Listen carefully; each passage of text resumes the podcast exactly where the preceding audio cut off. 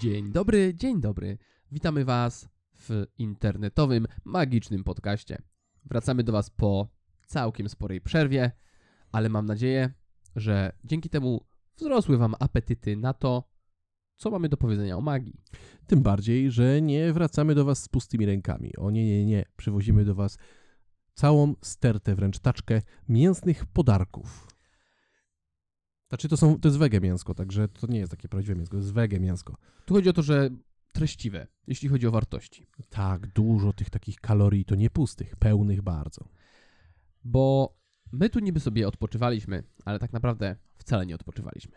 Przerwa od podcastu też była dla nas pracowita i wymyśliliśmy, stworzyliśmy, zaprojektowaliśmy i teraz wracamy do Was ze specjalną serią. To kolejna seria i to nie będzie szybka seria, to będzie długa seria, która da Wam, no jesteśmy przekonani, całkiem dużo informacji przydatnych w Waszej magii, a nawet nie tylko w magii, bo w jakichkolwiek występach czy prezentowaniu się. Swoją drogą warto wspomnieć, że jeśli nie jesteś magikiem, to ta seria może nie być dla Ciebie ciekawa. Jeśli w ogóle nie występujesz, to wydaje mi się, że ona będzie dla Ciebie wręcz nudna, gdyż będziemy się skupiać na pewnych aspektach wykorzystywanych na co dzień przez wykonawców, performerów czy magików. Będziemy odnosili się do dosyć konkretnego tematu i postaramy się go zeksplorować tak bardzo, jak to jest tylko możliwe. Tak, i jeszcze zanim zaczniemy, mały disclaimer.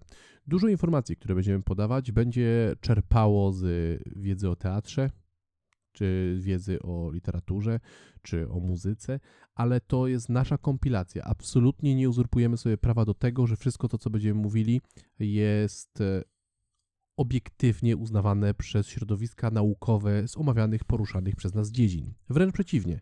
Są to informacje, których korzystamy my na swój własny sposób i przynosi nam to korzyść.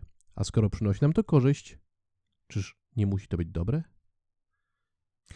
Logicznie nie musi. Aczkolwiek tak, e, podoba mi się to, że właśnie też chciałem wspomnieć, to co Macieju powiedziałeś, że wręcz przeciwnie. To, co powiemy, może nigdzie indziej nie być potwierdzone. To, co powiemy, jest zgodne dla nas i rzeczywiście służy nam, działa. A skoro coś jest głupie, a działa, to nie jest wcale takie głupie. Tak, jeżeli więc jesteś specjalistą od teatru i słuchając naszego podcastu dojdziesz do wniosku, że wkręcamy śrubę młotkiem, to sorry. This is the way it is. I bardzo możliwe, że tak jest. Bardzo możliwe, że nasz młotek wkręca tą naszą śrubę, mimo że są inne narzędzia.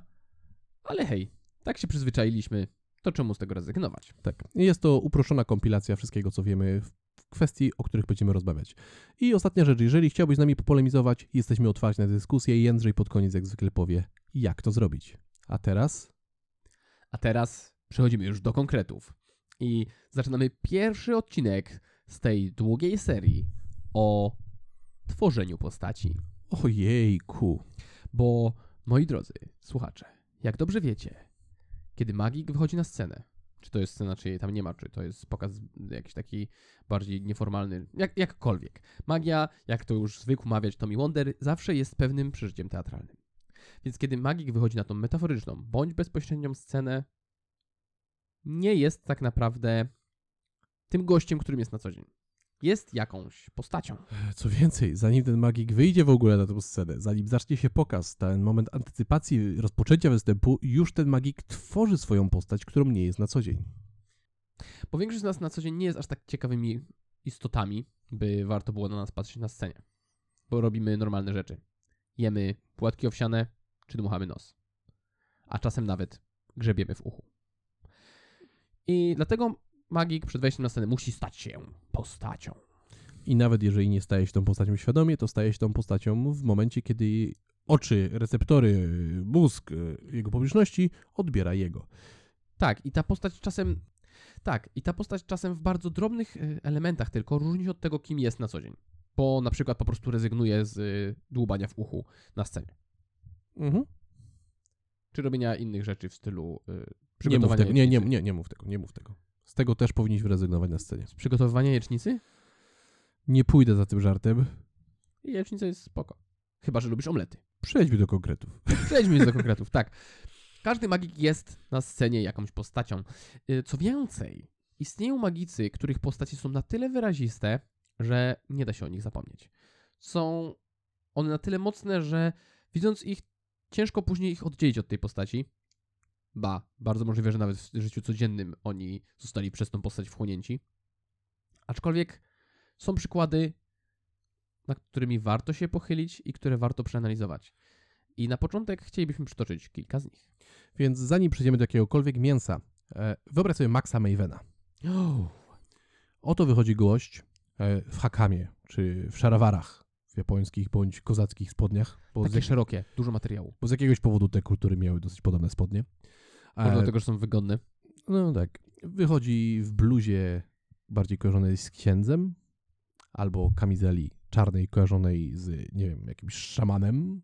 E, wychodzi z fryzurą typu widow peak, nie wiem jak się to tłumaczy po polsku. Nie wiem, nie spotkałem się nawet z tą nazwą, więc tak jestem troszkę zszokowany. Ja To ostatnio, ma swoją nazwę. tak to ma swoją nazwę i Max Maven jako był młody to golił sobie widow peaka, a potem był bardzo szczęśliwy, że jego widow peak mu tak się stworzył sam. Tak, ogólnie rzecz biorąc, gigantyczne zakola i trójkąt wydobywający się z potylicy na czubek głowy. Tak. Dziwna, naprawdę dziwna brudka, kilka kolczyków, ta, makijaż drag queen i okulary przeciwsłoneczne, bardziej kojarzone z gwiazdą roka albo wampirem muszącym przemykać w podcieniach miasta w południe.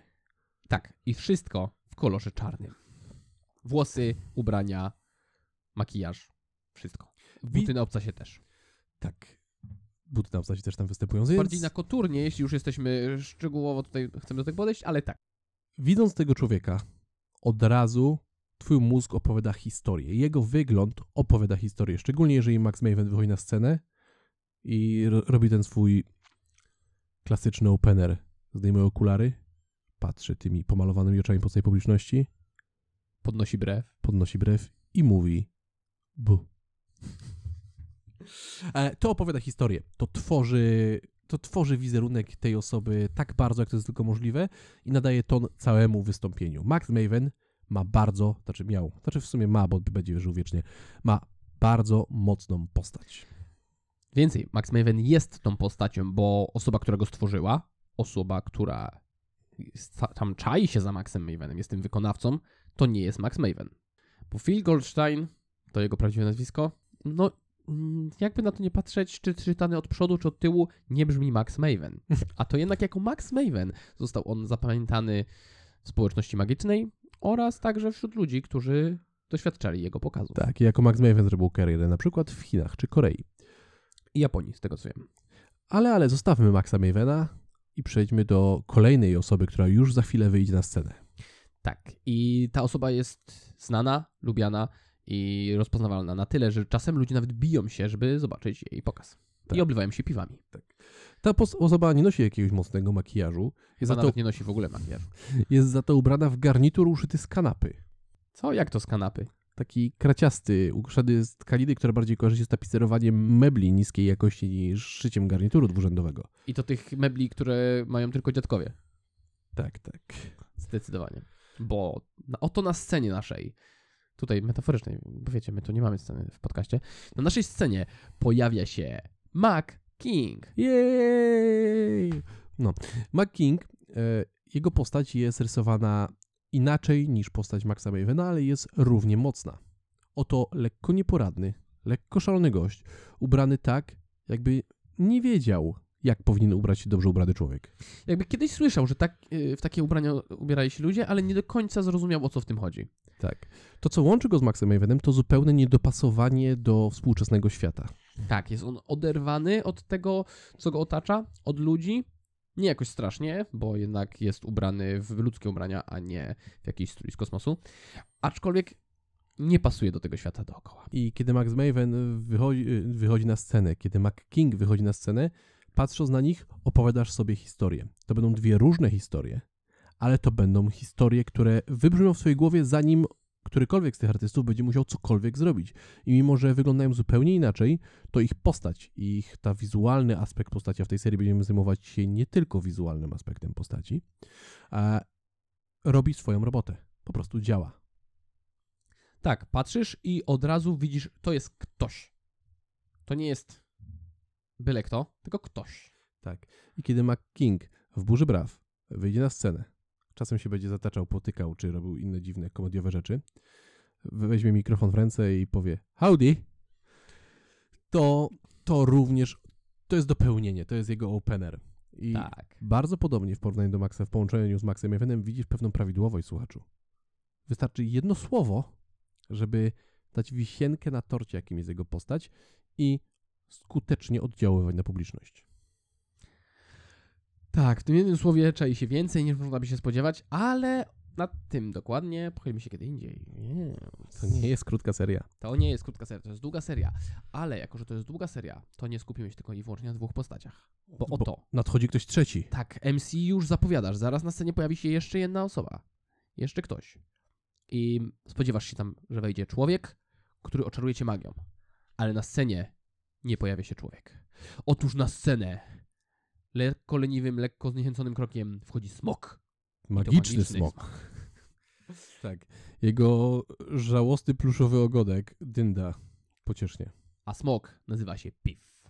Jego kaptur spada mu na oczy, powodując, że wszystko wygląda naprawdę kuriozalnie i ponownie żałośnie.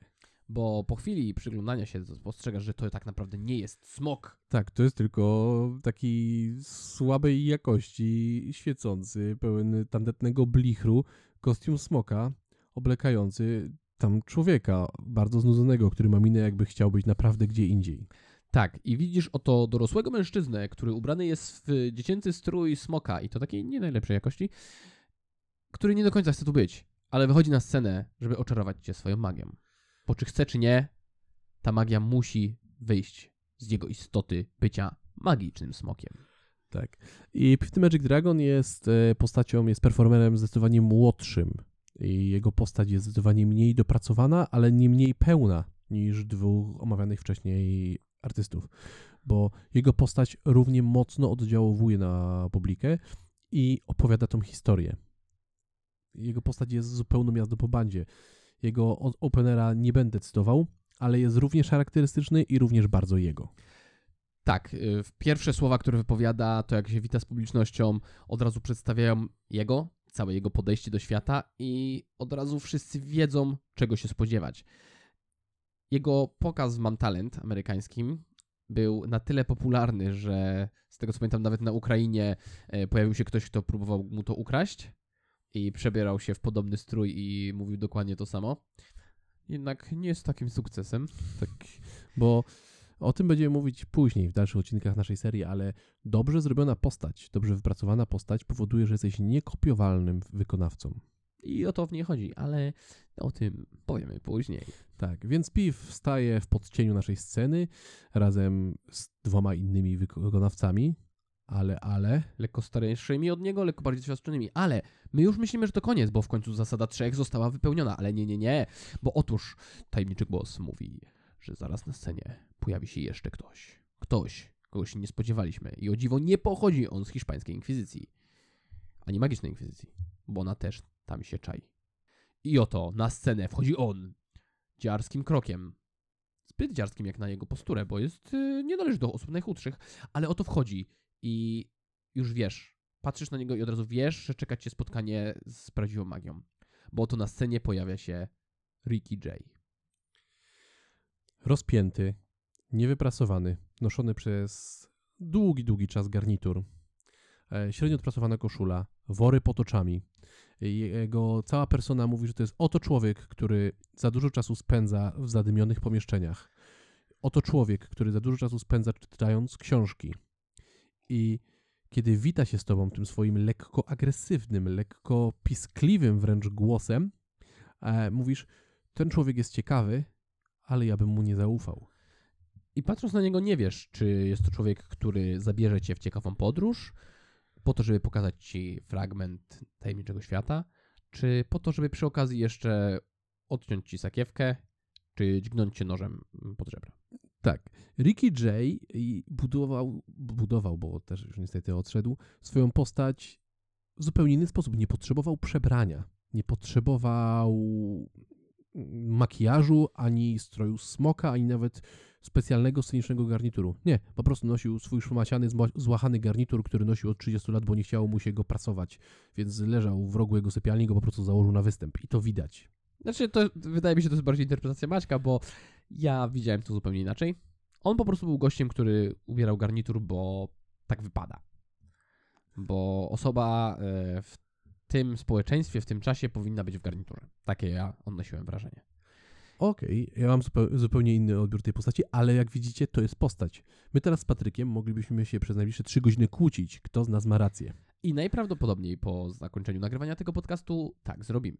E- Znaczy, miejcie nadzieję, że po zakończeniu nagrywania. Tak, a nie wybuchniemy wcześniej.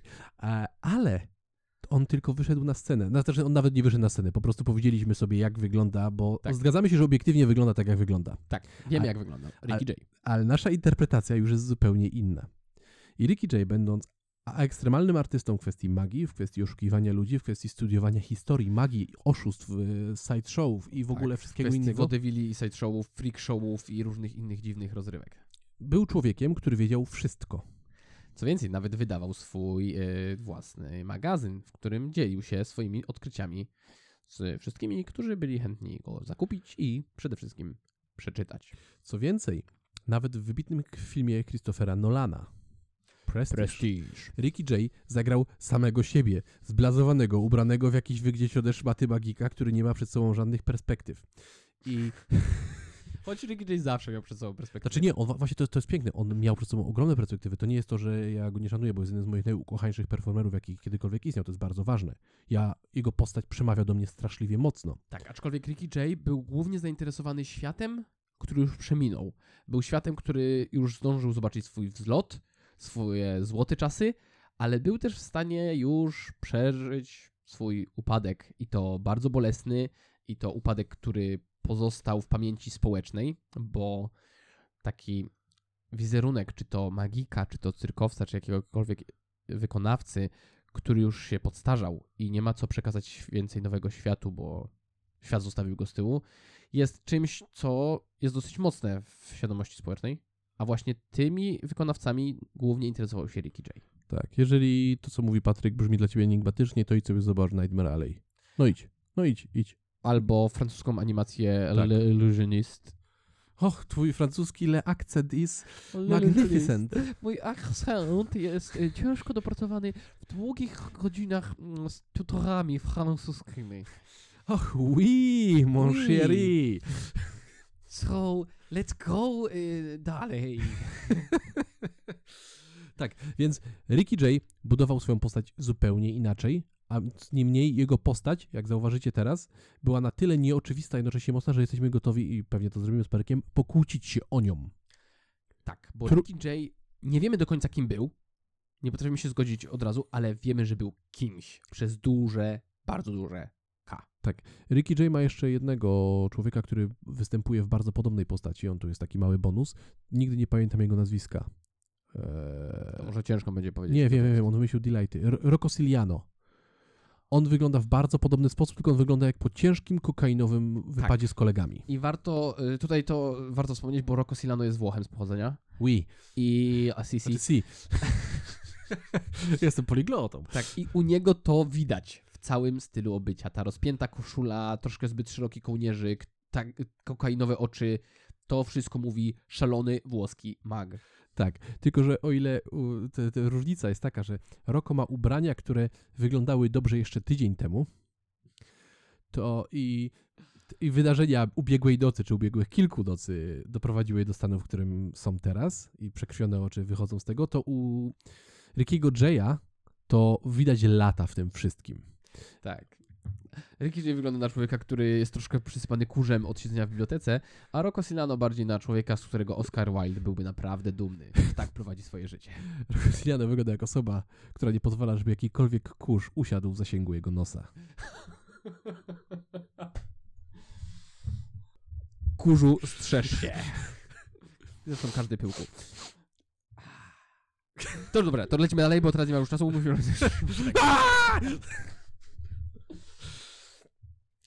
Koniec śmiechów, chichów. Rocco Silano e, nie został z nami na podscenie, bo musiał pobiec dalej. Jego rozpierającego energia nie pozwoliła mu na stanie w miejscu. Tak, w końcu musiał się odespać to wszystko.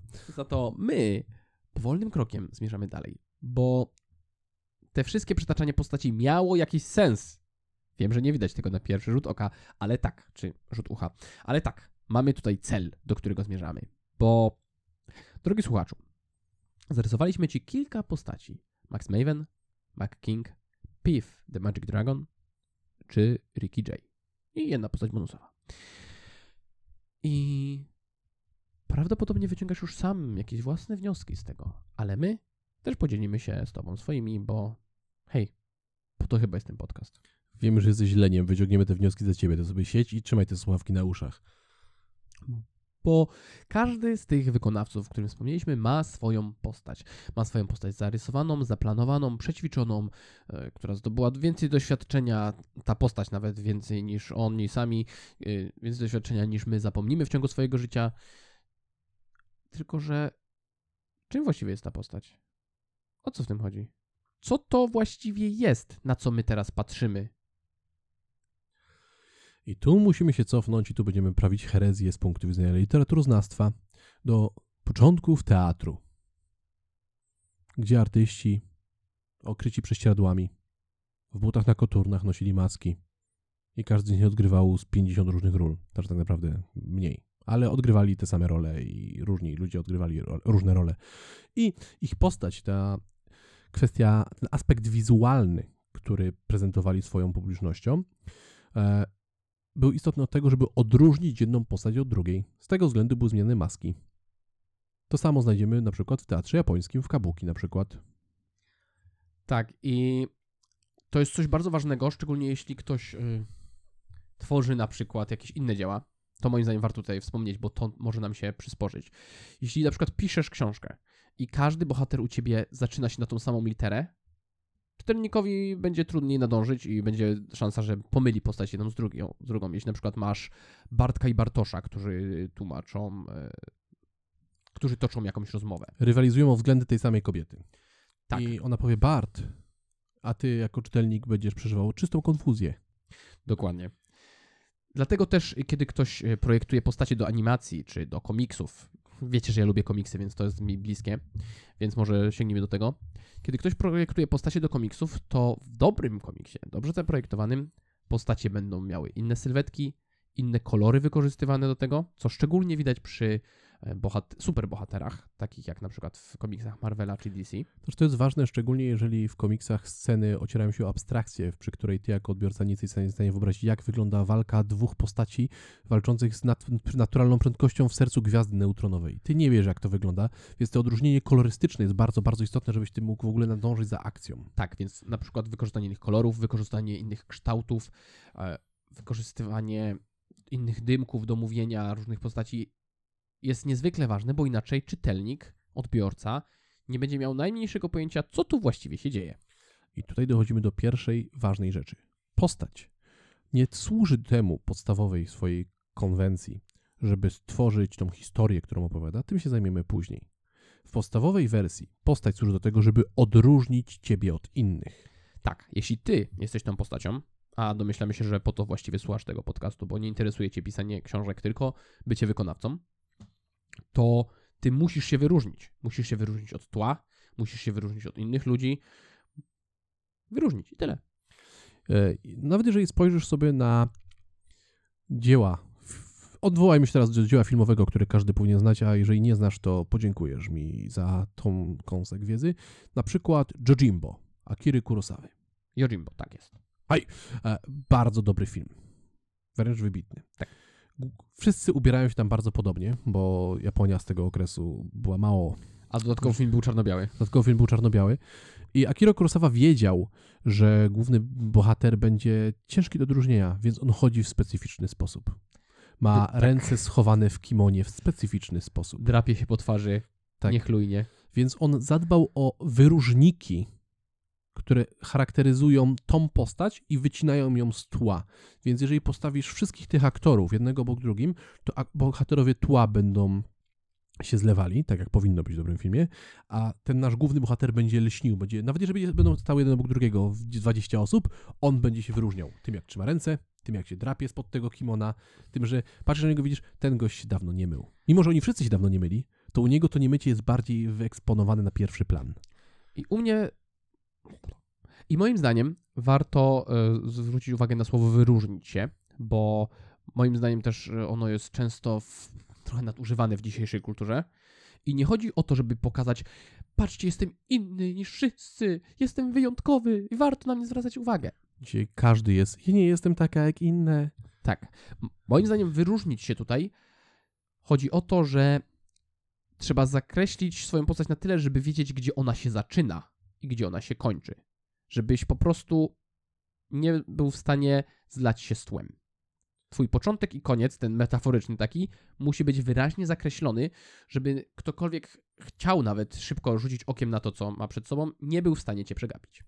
Tak. I o tym, jak to robić, będziemy zajmować się w naszej całkiem długiej serii.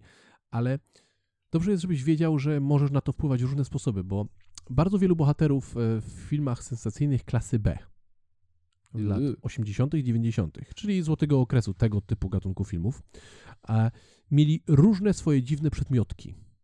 Nie wiem, na przykład Wesley Tak. Snipes w zasadach walki miał dziwne okulary. John, e, to tfu, Leon Zawodowiec miał również okulary. John Rambo miał swoją kurtkę M65 i charakterystyczny nóż. I te rzeczy, na których dopiero później firmy odkryły, że mogą sprzedawać je kolekcjonerom, bo to, nie był, to nie było tak jak dzisiaj, że tworzysz postać po to, żeby sprzedać jej figurki. Nie, oni wtedy chcieli opowiadać historię. I oni myśleli, okej, jaki nóż możemy dać Johnowi Rambo, żeby się wyróżniał. Żeby to był nóż, który... W kulturze, w której ludzie polują, tych noży jest dużo, ale Jungle King był nożem, bo tak się nazywał ten nóż, konstrukcyjnie był fatalny i był generalnie nielubiany i prawie nikt go nie miał, więc dali go Johnowi Rambo i nagle okazało się, okej, ten nóż się wyróżnia. To jest nóż. Tak. Bardzo podobno było. Bardzo podobna sytuacja zaszła z Seiko zaprojektowanym przez Giugiaro specjalnie dla postaci Ripley w y, Obcym, bo zaprojektowali zegarek, który miał wyglądać jak science fiction i nagle stał się super mega najbardziej kultowym zegarkiem wśród kolekcjonerów zegarków i dostać go teraz to jest y, no blisko do niemożliwości. Tak, a powstało to jako coś, co będzie rysowało postać. I tą postać może rysować, tak jak powiedziałem, będziemy o tym mówić w tej naszej serii. I tylko jeszcze jeden przykład chciałem dać. W dawnych czasach, w początkach klasycznego amerykańskiego westernu, bardzo charakterystyczny i wyraźny podział na białe kapelusze i czarne kapelusze. Oj tak, to był no to była część konwencji. Czarne kapelusze to byli ci, których trzeba zabić, bo są źli. Białe kapelusze to są ci, którzy muszą zatriumfować i nigdy nie strzelą ci w plecy, ani nie wykorzystują, nie, nie wykorzystają niedoli twojej żony. I to budowało postać. Z takich klocków, myśląc o tym w ten sposób, łatwiej jest ci podejść do budowania postaci. Jeszcze dobrym, do, dobrą chara- charakterystyką, która mi przychodzi do głowy, są komiksy Garego Ennisa, Kaznodzieja. Mamy tam Ga- Gartha. Garfa, Ennisa. przepraszam, Garfa Ennisa. Mamy tam trójkę bohaterów i mamy irlandzkiego wampira, mamy amerykańskiego księdza z południa i mamy morderczynię płatną. A, I każda z tych postaci ma swoje małe cechy, które ją wyróżniają. Jeżeli odetniesz kawałek tej postaci z tym elementem, to ludzie będą wiedzieli, ok, to jest ta postać. Z tego względu kaznodzieja nosi te dziwne, śmieszne przypinki na kołnierzyk srebrne, które nie mam pojęcia, jak się nazywają. I one rysują jego postać. Ich mogłoby tam nie być. One zasadniczo nie wnoszą nic do fabuły. Ale one wyróżniają go na tle innych ludzi, którzy noszą czarne koszule. To jest coś, co warto mieć z tyłu głowy. Tak, moim zdaniem ogólnie komiks jest y, bardzo dobrym źródłem do tego, jak wyróżnić postacie. Dobry komiks. Dobry komiks. Bo mm, nie wiem, czy ty Maciej czytałeś, aczkolwiek y, jest taki twórca komiksowy, niedawno w Polsce zostały wydane dwa jego dzieła, nazywa się Borja González, czy Borja González, jeśli jest Hiszpaninem. E, e, bo tam jest ten TJ, wiecie, wiecie jak to tam u nich jest. I on, on rysuje komiksy, w których y, postacie nie mają twarzy. To jest bardzo ciekawe, bo ludzie słabo zapamiętują twarze. Plus on może po prostu nie umieć ich rysować albo nie chcieć ich rysować. I przez to jego postacie wszystkie muszą być rozpoznawalne bez twarzy. Mimo, że tak naprawdę na pierwszy rzut oka wszyscy wyglądają tak samo, to każda postać się wyróżnia. I ja polecam rzucić okiem na jego Black Holes, czy Nocny Krzyk, wydany przez Nonstop Comics, z tego co kojarzę. Swoją drogą katowickie wydawnictwo. I to też daje trochę do myślenia, moim zdaniem, o budowie postaci. Tak, jeszcze to ja dodam jeszcze jeden przykład komiksowy z komiksu, który lubimy obydwaj. Sin City jest komiksem, gdzie zasadniczo każda postać wygląda tak samo. Trochę tak. E, nie ma tam za bardzo kolorów, chyba że są. To są bardzo przemyślanie wprowadzane, bo na przykład w komicie ten żółty drań Istnieje kolor żółty. istnieje kolor żółty, bo i ten drań jest rzeczywiście żółty, wszystko inne jest czarno-białe. I Frank Miller, rysując ten komiks, znaczy tworząc to arcydzieło, bo No tak, To to, jest- jest arcydzieło. Ach, tam zadbał o to, żeby każda z tych postaci, którą masz być w stanie odróżnić, miała jakąś swoją cechę, po której ją odróżnisz. Ktoś tam ma kolczyk w kształcie shurikena. A Shurikeny ma w kształcie czegoś innego, ale nie będziemy o tym mówić, bo nie wiemy jak tutaj to e, te wszystkie obostrzenia działają. Tak. Ktoś tam nosi płaszcze. Więc nawet jeżeli do ten, nawet przeszczepiamy twarz tej postaci i zmieniamy włosy, to po tym płaszczu jesteś w stanie tą postać poznać. Tak jest. Dwight, ty draniu. A, Tam jest dużo draniów. e, więc warto jest, myśląc o postaci, a przez najbliższe tygodnie będziemy spotykać się, żeby myśleć razem o postaci, warto patrzeć na dzieła kultury nie tylko jak zwykły odbiorca, tylko jak osoba, która zastanawia się, co wyróżnia tą postać. Bo w końcu hej, też chcesz być postacią. Też chcesz ją mieć. Też chcesz z niej korzystać. A nawet jak nie chcesz, to i tak jesteś. Ale teraz ważne pytanie musimy sobie zadać wszyscy razem. To na 3-4. 3-4. Po co mieć postać? Krótka odpowiedź jest taka, bo nie możesz jej nie mieć. Ale nie, nie, my nie poprzestaniemy na tym. Tak.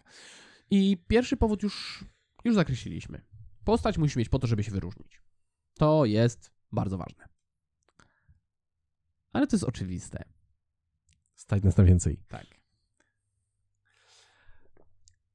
Bo postać jest efektem Twojej pracy, efektem korzystania z narzędzi, ale postać jest też sama w sobie narzędziem dla Ciebie, jako dla twórcy, jako dla wykonawcy, jako dla kogoś, kto musi zbudować ten pokaz.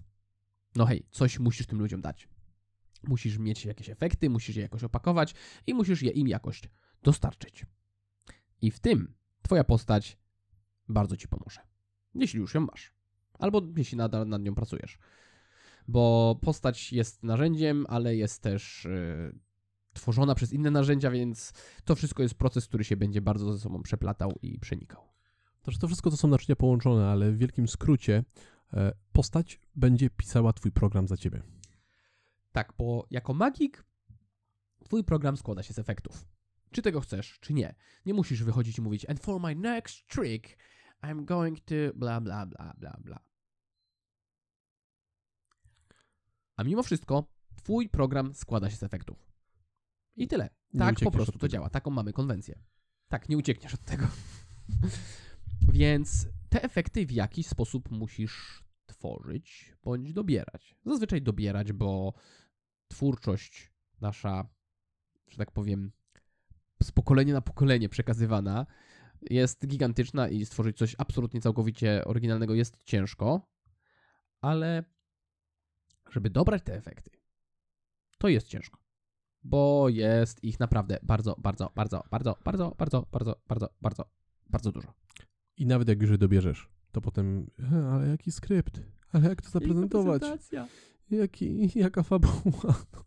Tak, więc jeśli masz postać, to ona nadaje ci kierunek. Ona jest pewnego rodzaju reżyserem, który mówi: idziemy w tą stronę.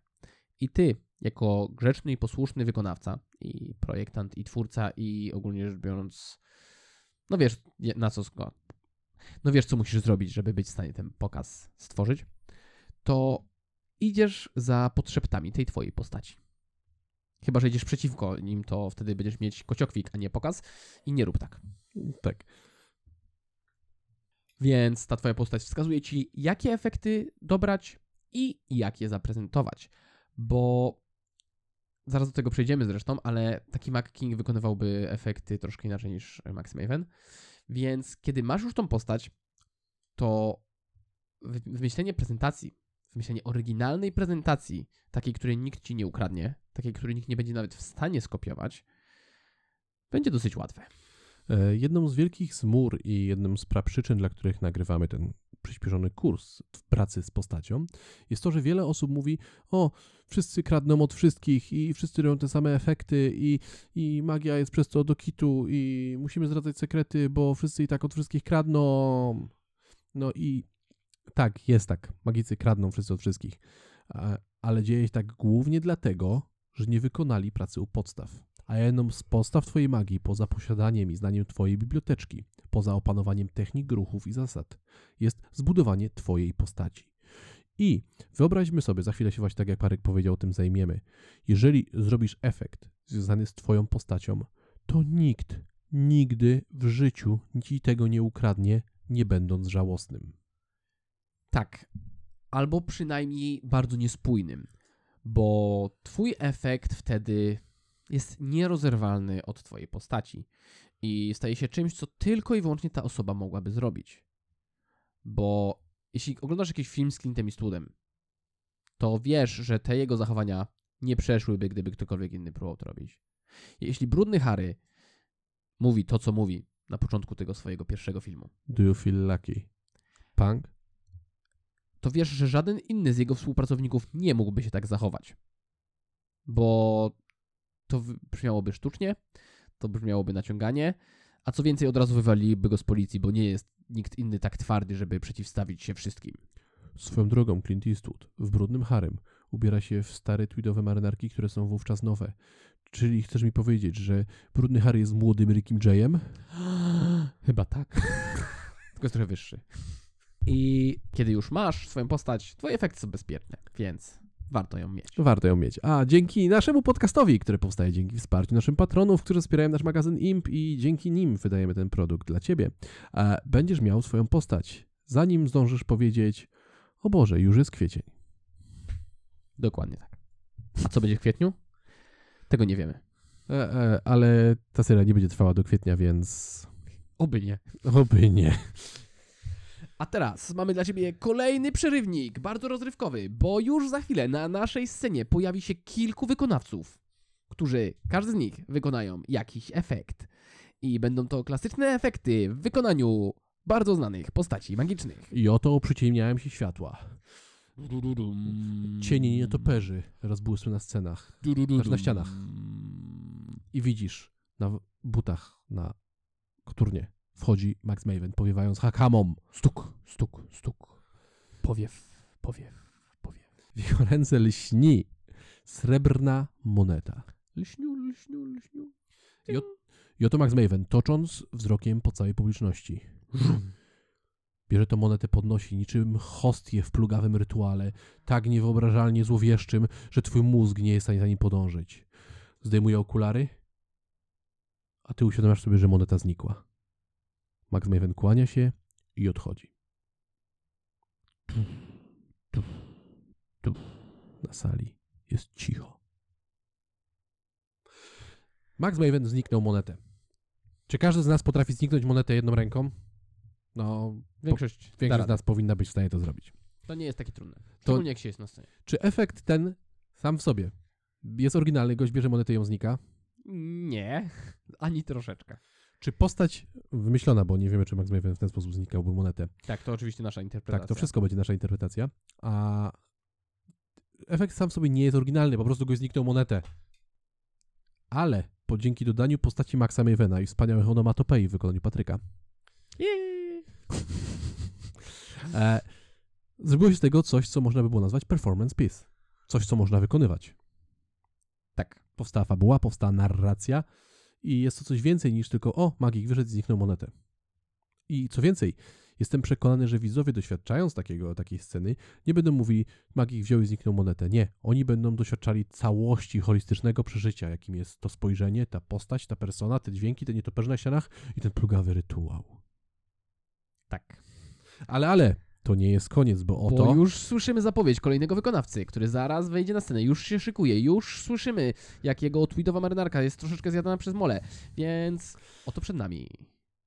Mac Mac King. King. Tłum skanduje. Mac King wychodzi. O, właśnie się lekko potknął. Spojrzał na ludzi, śmieje się.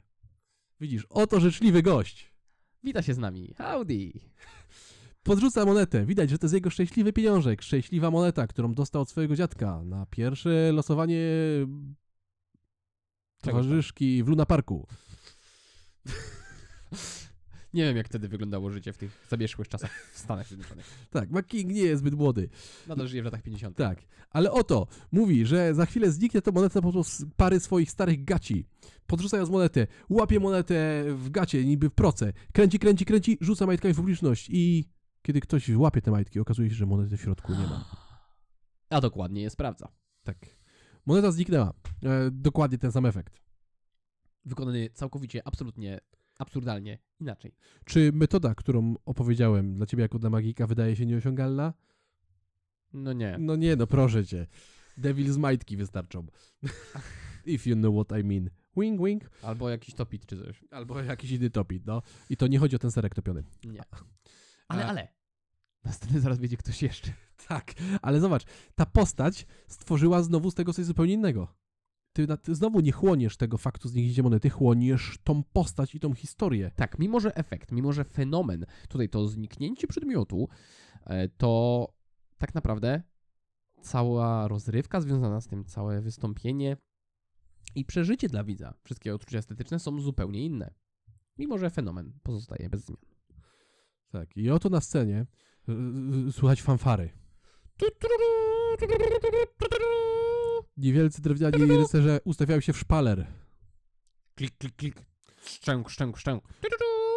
Oto otwierają się Zwierza. dziwnie niepasujące drzwi z napisem WC do jaskini. Odźwierzają się zwierza, jak to by ktoś mógł powiedzieć. Odwierzają się zwierza. Odskobliły się skoble. I oto człap, człap, człap. Wczłapuje Pif. Piff, the Magic Dragon. Yeah! Rzuca z takim znudzonym spojrzeniem po publiczności i mówi to chyba musiałbym zniknąć jakąś monetę. Macha ręką. I w jego ręce pojawia się moneta. Po czym patrzy na nią. Zionie na nią swoim małym zionięciem ogniem. Puf. Tak dziwnie przykładając rękę do nosa, e, tak tworząc złudzenie, że zionięcie wydobyło się nie z jego nosa, tylko z jego rękawa. Ale tak naprawdę wszyscy wiemy, że on potrafi zionąć ogniem. Tak. Ten y, ogień zasłania przez chwilę monetę, jego ręka się nie porusza, a moneta zniknęła. Publiczność szaleje. Po raz kolejny to samo. I całkowicie, absolutnie, zupełnie inne przeżycie. Szczególnie dzięki wykorzystaniu y, tych rycerzy. Tak, rycerze byli bardzo ważni i oddzierające się zwierza. I odskoblające się skoble. Tak. E, Jestem przekonany, że łapiesz już, e, co chcemy przekazać, e, drogi słuchaczu, ale został nam jeszcze Ricky J. Tak, bo oto na scenę wchodzi Ricky J. Scena została już uprzątnięta z konfetti. Ostatni rycerz już szybko zmykł. Ostatni rycerz już szybko czmychł ze sceny, bo oto zaraz tam pojawi się ktoś znacznie groźniejszy niż jakiś tam magiczny smok. Wychodzi Ricky J i mówi: Szekspir w swoim poemacie napisał słowo moneta. I. Nie, bo Ricky J miał tendencję do poetyzowania i intelektualizowania swoich pokazów. Tak, Więc on w tym momencie byłby w stanie zarecytować e, fragment poematu Szekspira, w którym pojawia się słowo moneta. aczkolwiek mógłby też odnieść się na przykład do y, klasycznego wodewilowskiego znikania monety. Mógłby. I mógłby wejść na scenę i powiedzieć: W 1876 roku zmarł wielki iluzjonista. Zasłynął zniknięciem monety. I wyglądało to mniej więcej tak. Wyciąga monetę bez słowa, pokazuje ją pod światło, tak żeby wszyscy dobrze ją widzieli. Zamyka ją nad swoją głową w dwóch dłoniach, otwiera je i monety nie ma. Następnie mówi: Drodzy Państwo, doświadczyliście właśnie mającego 600 lat cudu. Kłania się i gniewnie schodzi ze sceny. Tupiąc. Tup, tup, tup. A on ma, miał czym tupać. I co? Po raz kolejny to samo. Zupełnie inne doświadczenie, zupełnie inne przeżycie.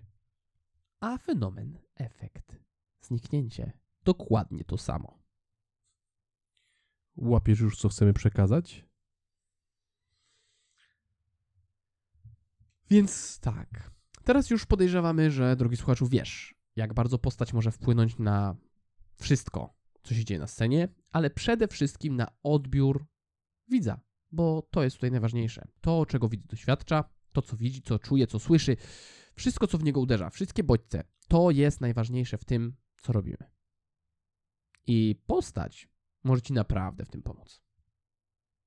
A skąd mieć postać? Ha! W tym. możemy pomóc Ci naprawdę my. Ale nie będziemy tego robić w tym odcinku, bo to jest długa seria. Tak, więc już wkrótce spotkamy się ponownie i razem będziemy eksplorować zakamarki Twojej postaci. Bo w każdym kolejnym odcinku tej serii będziemy pochylać się nad jednym zagadnieniem i będziemy starali się wyciągnąć z niego tyle, ile się da i dać Ci pewne wskazówki, jak zbudować swoją postać, jak ją rozwijać i jak wyciągnąć z niej tyle, ile da się z niej wyciągnąć. Bo da się z nich wyciągnąć naprawdę sporo z tych wszystkich postaci. I być może drapiesz teraz po głowie i mówisz, ale jak to? Tak za darmo? Tak. To jest za darmo, ale nie jest darmowe. Więc jeżeli chcesz nas wesprzeć, to zmieniły nam się ostatnio progi na Patronajcie. Możesz nas wesprzeć po prostu wspierając nas. Dostaniesz za to pewne bonusy, pewne profity, nie musząc wchodzić w pełną sumę wsparcia. O, więcej o tym możesz przeczytać na naszej stronie. Na Patronite, czyli www.patronite.pl slash teatr myślnik. Tak, ma polskich znaków. Patryk w to wszedł, bo nie jestem w stanie zapamiętać tego linku. Dokładnie. Ale tak to już u nas bywa. Taka moja postać, że ja pamiętam, a Maćka postać taka, że nie pamięta. Taki trochę flip i flap. To nigdy nie wiecie, który z nas jest gruby. Szczególnie po świętach. Więc, drogi słuchaczu, mamy nadzieję, że dobrze bawiłeś się w tym pierwszym odcinku z tej serii, bo my bawiliśmy się dobrze. Fajnie nam się wymyślało te rzeczy, te postacie nam się fajnie opisywało i ogólnie rzecz biorąc, całkiem fajnie jest wrócić do podcastu. tak, więc mam nadzieję, że wrócisz do nas już za tydzień. A my też wrócimy za tydzień, ale żeby wrócić, to najpierw musimy stąd odejść, więc trzymajcie się. Wyłączę wyłącznik i od skoble skobel, od podcaszcze podcast. To cześć. To pa. Przypominam, że ten podcast jest naszym podziękowaniem dla patronów wspierających nasz projekt IMP, e, którzy chcą się przyczynić do rozwoju sztuki magicznej w Polsce. Dziękujemy Wam serdecznie, patroni. Dla osób, które chciałyby nas wesprzeć e, i są magikami, zapraszamy serdecznie na serwis Patronite. Wystarczy, że wpiszecie tam Teatr Złudzeń i z łatwością znajdziecie nasz projekt.